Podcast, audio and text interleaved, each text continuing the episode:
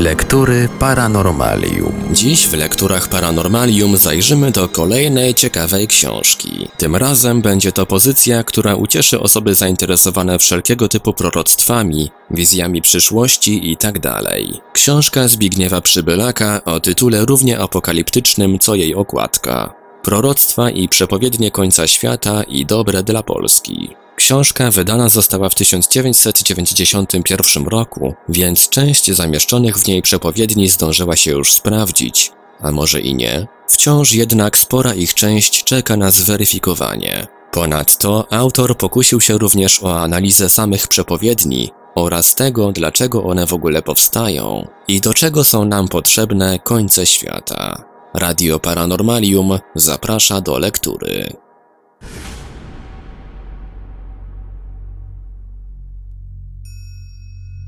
Jasnowidzenia ostatniej wojny. W wizji ostatniej wojny, jaką dałoby się zrekonstruować z zachowanych pism Mickiewicza, dostrzec można takie poprzedzające jej wybuch wydarzenia jak wzrost niesprawiedliwości i bogactw, zmaterializowanie Europy, upadek jej ducha i religijności, wreszcie duchową i fizyczną klęskę. Jedynie narody słowiańskie zrywają się do walki z wszechwładną biurokracją, technokracją i despotyzmem oraz z wulgarnym materializmem. Despotyzm ponosi ostateczną klęskę w bitwie pod Berlinem. Armagedon. Najazd Chin nie przekreśla możliwości europejskiego odrodzenia, ponieważ następuje teraz wymieszanie ras i kultur. Tak to widział Adam Mickiewicz, który zdaniem Zygmunta Krasińskiego chciał stworzyć taką świętość, która by mogła od razu tonem swej potęgi wziąć górę nad tonem mongolskim i zburzyć budowę złego. Mickiewiczowski socjalizm to także socjalizm rewolucyjny, niereformistyczny, zakładający nieuchronność katastrofy, rewolucji i oczyszczającego katarzis. Rewolucja ta nie może być jedynie regionalną, musi być ogólnoeuropejską. Jej celem jest bowiem walka o nowy świat, o nowe niebo i nową ziemię, gdzie sprawiedliwość zamieszka. Tę obszerną refleksję dotyczącą myśli i wizji przyszłości polskiego wieszcza zaczerpnąłem z książki Andrzeja Tokarczyka zatytułowanej Czterech jeźdźców apokalipsy. Mistyczna liczba 44 Patrz, ha, to dziecię uszło, rośnie, to obrońca, wskrzesiciel narodu, z matki obcej, krew jego dawne bohatery, a imię jego będzie 44. Któż ten mąż? To napastnik na ziemskim padole. Znałem go, był dzieckiem, znałem jak urósł duszą i ciałem. On ślepy, lecz go wiedzie anioł, pachole. Mąż straszny ma trzy oblicza, on ma trzy czoła. Jak baldachim rozpięta księga tajemnicza, nad jego głową osłania lica. Podnóżem jego są trzy stolice, trzy końce świata drżą, gdy on woła. I słyszę z nieba głosy jak gromy, to namiestnik na ziemi widomy. On to na sławie zbuduje ogromy swego kościoła. Nad ludy i nad króle podniesione, na trzech stoi koronach, a sam bez korony. A życie jego trud trudów, a tytuł jego lud ludów. Z matki obcej, krew jego dawne bohatery, a imię jego czterdzieści i cztery. Sława, sława, sława! Powyższy fragment widzenia ze sceny piątej, cela księdza Piotra z trzeciej części Dziadów Adama Mickiewicza, różni interpretatorzy, szczególnie jednak esoteryści, okultyści, traktują jako przykład jasnowidzenia wybiegający daleko w przyszłość narodu polskiego. Szczególne znaczenie zaś przypisuje się mistycznej liczbie 44. Między innymi symbolizować ma ona też papieża Polaka, jest przepowiednią jego pojawienia się na scenie świata. W zakulisowych szkicach historycznych, które ukazały się w 1989 roku w Paryżu, Ella Hus tak stara się interpretować przytoczony fragment dziadów. Cela księdza Piotra to aluzja do papieża Polaka, wiersz 66. Któż ten mąż? To namiestnik na ziemskim padole. To aluzja do narodu polskiego. Księga tajemnicza to aluzja do wiedzy tajemnej, z nauk Towiańskiego i serdecznego przyjaciela Mickiewicza, Goethego. Zaś w scenie ósmej Mickiewicz zamienia Molsona w młodego Rollisona, uzyskując kabalistycznie liczbę 12. Liczba ta jest też kabalistyczną liczbą Solidarności.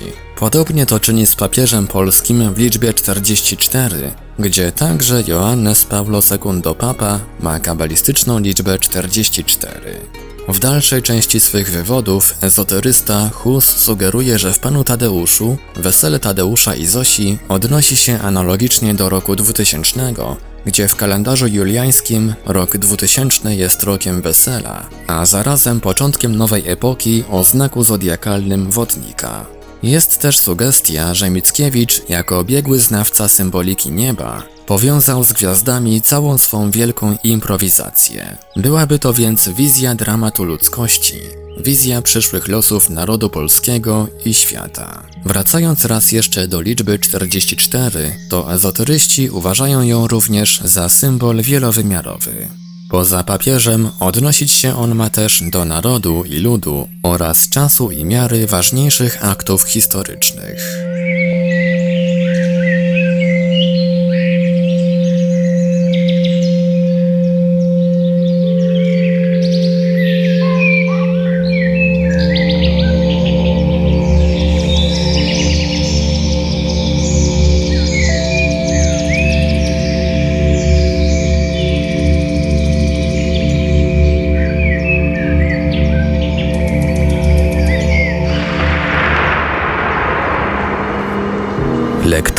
Paranormalium. Słowacki prorokuje słowiańskiego papieża i wspaniałość ojczyzny. Dzieło to jest owocem dwuletniego stanu nadzwyczajnej egzaltacji i myśli ciągle przez ów czas zwróconej ku Bogu i ku źródłom wiedzy. Napisane jednym ciągiem pióra, jednym tchnieniem modlącego się ducha, ale rozważone głęboko, a często dyktowane wyraźnie przez samą świata i form widzialność, uchybi może formą, ale bronić się będzie prawdą, i jednością idei, wszystko tłumaczącej. Wszelka więc niedoskonałość formy na pisarza spadnie i będzie mu wieńcem cierniowym, aż prawda siebie sama broniąca i pamięć późna pisarza obroni. Tak pisał Juliusz Słowacki w projekcie przedmowy w 1844 roku do Genesis z ducha. Jeśli dodatkowo uwzględni się relacje z historii życia poety, jego refleksje osobiste i postawę względem idei i zasad, które wyznawał i które mu w życiu, działalności, a przede wszystkim twórczości przyświecały, jeśli doceni się wagę słów jego przyjaciela Szczęsnego Felińskiego, na którego rękach umierał, że ze wszystkich wieszczów naszych, nie wyłączając nawet Mickiewicza, który w chwilach natchnienia przeistaczał się nie do poznania, żaden nie miał oblicza tak uduchowionego w życiu codziennym jak Słowacki. Czuć w nim było zawsze mędrca i poetę, zajętego wyłącznie kwestiami ducha i wieczności, albo opatrznościowego posłannictwa narodów. Jeśli doceni się misyjną, wręcz proroczą rolę, jaką sobie poeta przypisywał, wierząc m.in. w to, co potem się spełniło, przyszłość moja i moje będzie za grobem zwycięstwo, to przyznanie słowackiemu tytułu pierwszego wieszcza narodowego nie wydaje się być błędne. Tym samym również niektóre z utworów można traktować jako poetyckie proroctwa. Przy czym oczywiście najczęściej te wizje dotyczą jak gdyby całościowych, narodowych rozstrzygnięć, mniej natomiast skupiają się na szczegółach, datach. Ale wbrew pozorom tego rodzaju proroctwa nie muszą wydawać się mniej prawdziwe czy gorsze. Cóż więc prorokuje Słowacki? Zacznijmy od fragmentów z Genesis z ducha. Albowiem na tych słowach, iż wszystko przez ducha i dla ducha stworzone jest, a nic dla cielesnego celu nie istnieje, stanie ugruntowana przyszła wiedza święta narodu mojego, a w jedności wiedzy pocznie się jedność uczucia i widzenie ofiar, które do ostatecznych celów przez Ducha Świętej Ojczyzny prowadzą. Ojcze Boże, Spraw, aby ta jedna droga rozwidnień i oświeceń, droga miłości i wyrozumienia, coraz mocniej jaśniała między słońcami i lud Twój wybrany, a drogą bolesną teraz idący, do Królestwa Bożego zaprowadziła. Słowacki jest generalnie optymistą odnośnie losów narodu polskiego. Widzi go odrodzonym na przykład w Angelim. Taka pewność bije też z niektórych wierszy. Chociażby tego zaczynającego się od słów, a jednak nie wątpię, bo się pora zbliża. Ta sama wiara bije z wiersza O nieszczęśliwa, o uciemiężona, który warto przytoczyć. O nieszczęśliwa, o uciemiężona, ojczyzno moja, raz jeszcze ku Tobie otworzę moje krzyżowe ramiona. Wszakże spokojny, bo wiem, że masz w sobie słońce żywota. Zacytować jeszcze warto pierwsze zwrotki, kiedy prawdziwie Polacy powstaną. Kiedy prawdziwie Polacy powstaną, to składek zbierać nie będą narody, lecz ogłupieją i na pieśń strzelaną wytężą uszy, odemkną gospody. I będą wieści z wichrami wschodziły, a każda będzie serce ludów pasła. Nieznajomymi świat poruszą siły, na nieznajome jakieś wielkie hasła. Nie pojmie Francuz, co to w świecie znaczy, że jakiś naród wstał w ciemności dymie. Choć tak rozpaczny, nie w imię rozpaczy, choć taki mściwy, a nie w zemsty imię. Nie pojmie, jaką duch odbył robotę w przeświętej serca ludzkiego ciemnicy. I przez sztandary jest tłuczone złote, i przez bój wielki przedział błyskawicy. Wcześniej była już mowa o przepowiedniach polskiego papieża. Skąd się one zrodziły? Może natchnieniem dla wizjonerów były prorocze słowa Słowackiego z jego wiersza Pośród niesnasków Pan Bóg uderza. On to bowiem zapowiadał. Pośród niesnasków Pan Bóg uderza w ogromny dzwon. Dla słowiańskiego oto papieża otwarty tron. Ten papież ma moralnie odrodzić świat, dodać nowych duchowych sił ludom. Mówi o tym cały wiersz, między innymi zaś i cytowana poniżej zwrotka. A trzebaż mocy, byśmy ten pański dźwignęli świat. Więc oto idzie papież słowiański, ludowy brat. Oto już leje balsamy świata do naszych łon. Hufiec aniołów kwiatem umiata dla niego tron. On rozda miłość, jak dziś mocarze rozdają broń. Sakramentalną moc on pokaże, świat wziąwszy w dłoni.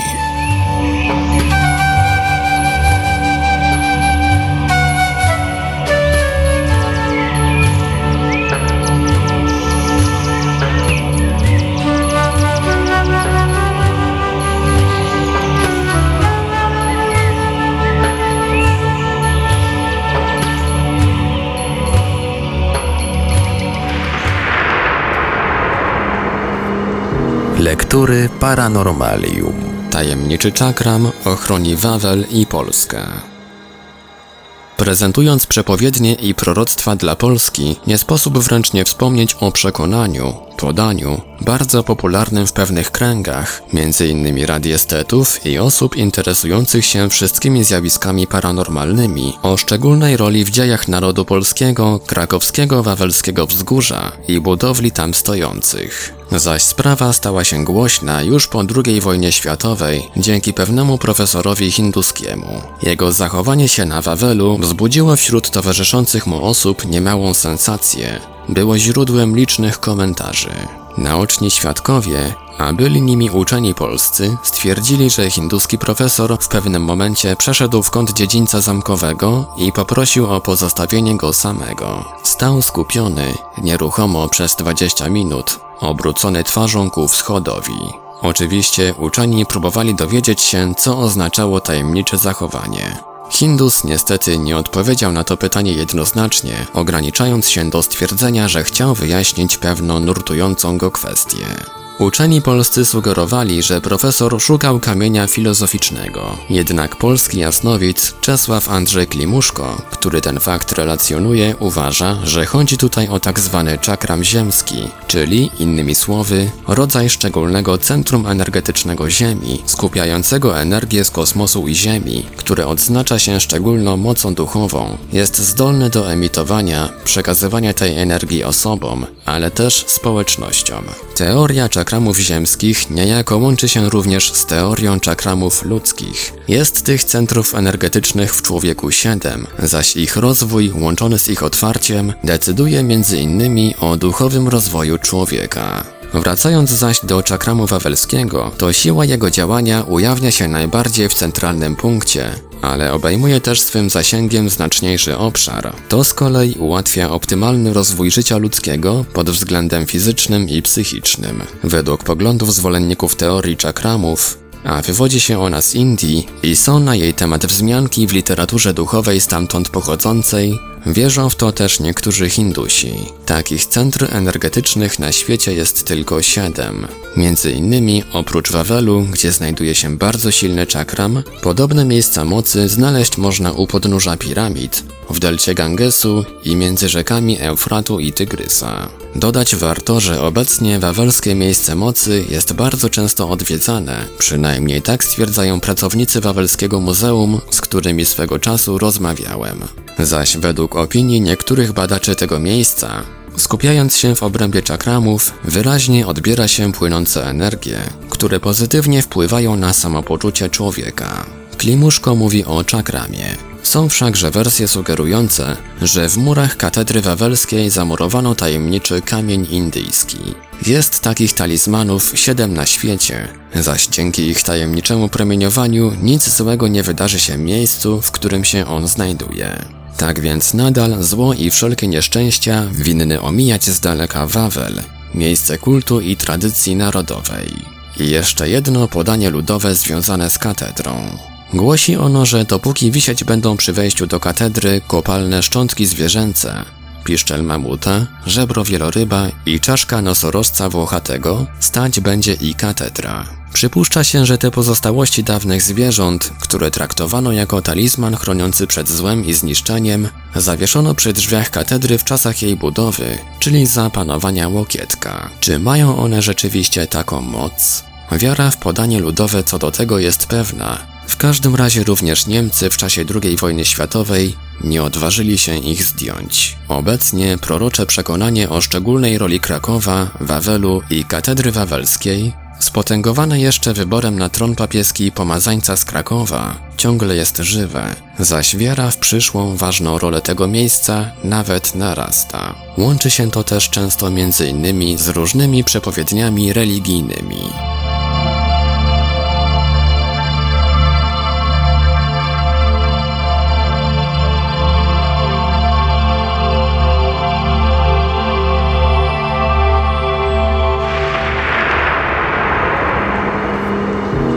Lektury Paranormalium. Zwycięstwo przyjdzie przez Maryję, czyli religijne proroctwa przyszłości Polski. Zwycięstwo przyjdzie, a będzie to zwycięstwo przez Maryję. Te prorocze słowa wygłosił tuż przed swoją śmiercią 22 października 1948 roku kardynał August Chlond. Jak twierdził przeor klasztoru Paulinów w Warszawie Szczepan Kośnik, tą przepowiednią swego poprzednika żył kardynał prymas Stefan Wyszyński, nazywany dzisiaj prymasem tysiąclecia. Warto tutaj dodać, że jego przesłaniem pasterskim było wyznanie Wszystko postawiłem na Maryję. Kardynał Wyszyński rzucił też swego czasu myśl, by obraz Matki Bożej pielgrzymował po wszystkich diecezjach i parafiach. Miało to być przybliżenie Jasnej Góry, a więc miejsca szczególnego kultu maryjnego wszystkim Polakom. Nawiedzenia Matki Bożej rozpoczęły się w 1957 roku i ta wędrówka od tamtej pory jest kontynuowana. Wspominam o tej wędrówce nieprzypadkowo, bo z nią związana jest także przepowiednia, którą usłyszałem w połowie lat 80. z ust pewnego bardzo religijnego zielarza, mieszkającego w jednej z podbydgoskich wsi. Otóż twierdził on wtedy, że wędrówka Maryi po Polsce była przepowiedziana już przed II wojną światową w 1936 roku w jednym z dzienników kujawskich. Wiekowy zielarz, zwracając na ten fakt uwagę, mówił też, że łączyć ją należy z ważnymi wydarzeniami w dziejach narodu, ważnymi zmianami. Nie wiem dlaczego, ale tę przepowiednię dosyć dobrze zapamiętałem. Próbowałem także znaleźć jej pierwotną treść w dziennikach.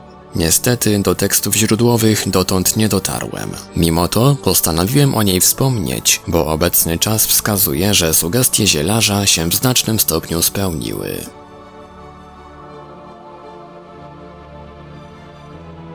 Prorocze oddanie się w niewolę Matki Bożej. W religijnych dziejach narodu polskiego olbrzymie znaczenie ma też akt oddania całego Kościoła i narodu polskiego Matce Bożej. Ta niewola w ujęciu religijnych, duchowych przywódców to jednocześnie gwarancja pełnej wolności i pomyślności. A oto jak patrzy na to polski papież. Cytaty pochodzą z książki Charyzmat Apostoła Czesława Ryszki. W trakcie pierwszej swojej pielgrzymki do kraju papież, kierujący się na co dzień przesłaniem Totus Eius, cały jej, takie wypowiedział słowa na Jasnej Górze. W dniu dzisiejszym pozwólcie, że jako następca świętego Piotra zawierzę z tą samą żywą wiarą, z tą samą heroiczną nadzieją, z jaką czyniliśmy to w pamiętnym 3 maja polskiego milenium, Kościół cały Matce Chrystusa. Dalej pisze Czesław Ryszka, że po komunii Jan Paweł II dokonał nowego aktu oddania kościoła Matce Bożej Jasnogórskiej. Dokonał go jako papież pielgrzym w imieniu całego kościoła i jako syn kościoła w Polsce. Czy oddanie Polski, ale też wszystkich ludów i narodów, całego kościoła można uznać za działanie prorocze? Zamiast podejmować próby odpowiedzi na to pytanie, wolę tutaj posłużyć się ponownie refleksjami Czesława Ryszki. Czy istnieją związki między objawieniami fatymskimi i przyszłością Polski? Dnia 13 maja 1981 roku dokonano zamachu na papieża. Tego zaś samego dnia, ale 65 lat wcześniej, w czasie rozpoczynających się objawień Matki Bożej w Fatimie, w orędziu do ludzi Maryja przepowiedziała papieskie cierpienia. Jak pisze Czesław Ryszka, szczegóły tej fatimskiej tajemnicy znają jedynie siostra Łucja, żyjąca jeszcze wizjonerka z Fatimy oraz sam papież. Nie przypadkiem więc, w chwilę po odzyskaniu świadomości po operacji, papieskie myśli pobiegły natychmiast ku temu sanktuarium, aby złożyć Matce Boskiej podziękowanie za ocalenie. Mówił o tym Jan Paweł II w Fatimie, w rok po zamachu. Daty 13 maja 1917 i 1981 roku w tajemniczy sposób spotkały się ze sobą i wydaje się, że nie można tego dramatu interpretować pomijając orędzie z Fatimy. Na pamiątkę tego wydarzenia Jan Paweł II pozostawił w sanktuarium fatimskim kule wyjęte z jego ciała. Tym samym materialne świadectwo dokumentuje słowa papieża. Jedna ręka wymierzyła broń, a druga zmieniła kierunek kuli. Jak wiadomo, najważniejsze sekrety objawień fatimskich dotyczące czasów obecnych i przyszłych, spisane przez Łucję na rozkaz przełożonych, zostały zgłoszone w tajnym archiwum watykańskim i żaden z papieży nie ogłosił ich. Zapewne zawierają więc one ważne treści. O tym, że tak jest w istocie, wnioskować by można z okruchów tego, co jednak wiemy. I tak Matka Boska powiedziała do Łucji: Gdy ujrzycie pewnej nocy rozjaśnione nieznanym światłem niebo, wiedzcie, że to jest wielki znak dany wam przez Boga. Za liczne grzechy świata zbliża się kara w postaci wojny, głodu, prześladowania Kościoła i Ojca Świętego. Równie wymowny wydaje się fragment trzeciej części tajemnicy fatimskiej, ujawniony dopiero przez księdza prałata Balducciego na łamach L'Osservatore Domenica w 1978 roku.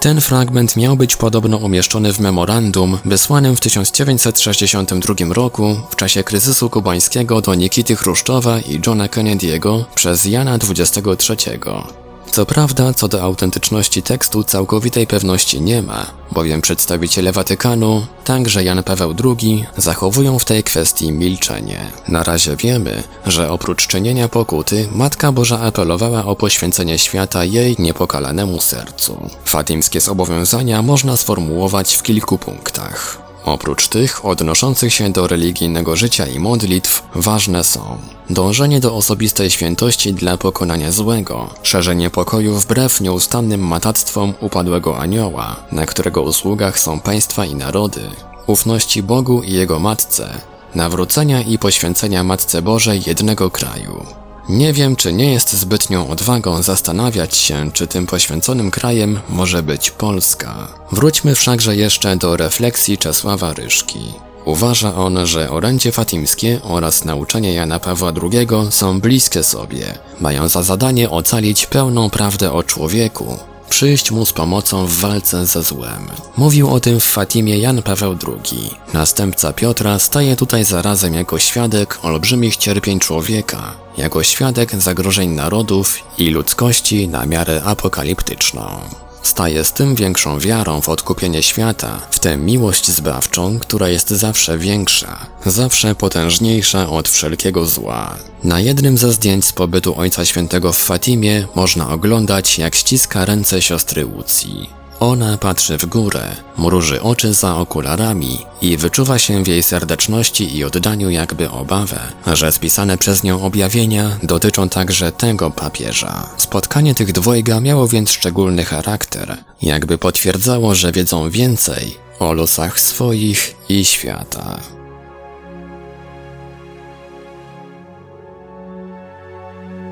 Widzenie siostry Faustyny wywyższenia Polski gdy się modliłam za Polskę, usłyszałam te słowa. Polskę szczególnie umiłowałam, a jeśli posłuszna będzie mojej woli, wywyższę ją w potędze i świętości. Z niej wyjdzie iskra, która przygotuje świat na ostateczne moje przyjście. Taki zapis znajduje się w dzienniku siostry Faustyny Kowalskiej, coraz bardziej znanej i otoczonej nimbem świętości zakonnicy Zgromadzenia Sióstr Matki Bożej Miłosierdzia. Ta wielka mistyczka żyła bardzo krótko, bo zaledwie 33 lata, w latach 1905 do 1938, spoczywają zaś jej zwłoki w ogrodzie Zgromadzenia Sióstr Matki Bożej Miłosierdzia w Krakowie Łagiewnikach. Siostra Faustyna była wielbicielką, wierzącą gorąco w miłosierdzie Boże i w swą misję z nim związaną. Dodać warto, że przepowiedziała ona trafnie wiele zdarzeń związanych z losami zgromadzenia, II wojną światową, Przewidziała też datę swojej śmierci. Jak pisze ksiądz Stanisław Szymański, w objawieniach i przeżyciach siostry Faustyny dość dużo miejsca zajmuje Polska. Co prawda jej misja odnosiła się do całego świata, lecz Polska jest w jej opinii szczególnie umiłowaną przez Boga cząstką świata. Bóg przez Matkę Bożą dał wiele dobrodziejstw naszej ojczyźnie. Jednak ponieważ dzieci jej dopuszczają się ciężkich grzechów, czeka je za nie kara. Nie będzie to wszakże całkowite unicestwienie, lecz raczej oczyszczenie. Wśród wizji dotyczących Polski są takie, które wskazują, że Bóg nie może dotknąć nas swoją słuszną karą, bo zasłania nas Matka Boża i gdyby nie Maryja, na nic przydałyby się nasze zabiegi. W historię Polski wpisane jest też miłosierdzie Boże. Siostra Faustyna widzi wielką księgę, pisaną krwią tych wszystkich, którzy za ziemskiego życia wielbili Boże miłosierdzie. Siostra Faustyna powiada też, że gdyby Bóg zesłał na Polskę największe kary, to jeszcze byłoby w tym Jego wielkie miłosierdzie. Za takie bowiem występki, jakie popełniają w naszym kraju, Bóg mógłby nas skazać na wieczną zagładę. Ale dzięki duszom wybranym Polska ocaleje. Odrodzenie przyjdzie przez kapłanów. Pewnego dnia siostra Faustyna ujrzała Matkę Bożą w wyjątkowo pięknej postaci. Matka Boża spojrzała na nią łaskawie i powiedziała: Jestem Matką Boską kapłańską. Zaraz potem Matka Boska postawiła Jezusa na ziemi, a prawą rękę podniosła w niebo i rzekła: Boże, błogosław Polsce, błogosław kapłanom. Powiedziała też Faustynie: Powiedz to, coś widziała kapłanom. Mistyczka wyznała, że nie rozumie tego widzenia i przyszłość pokaże, co ono znaczy.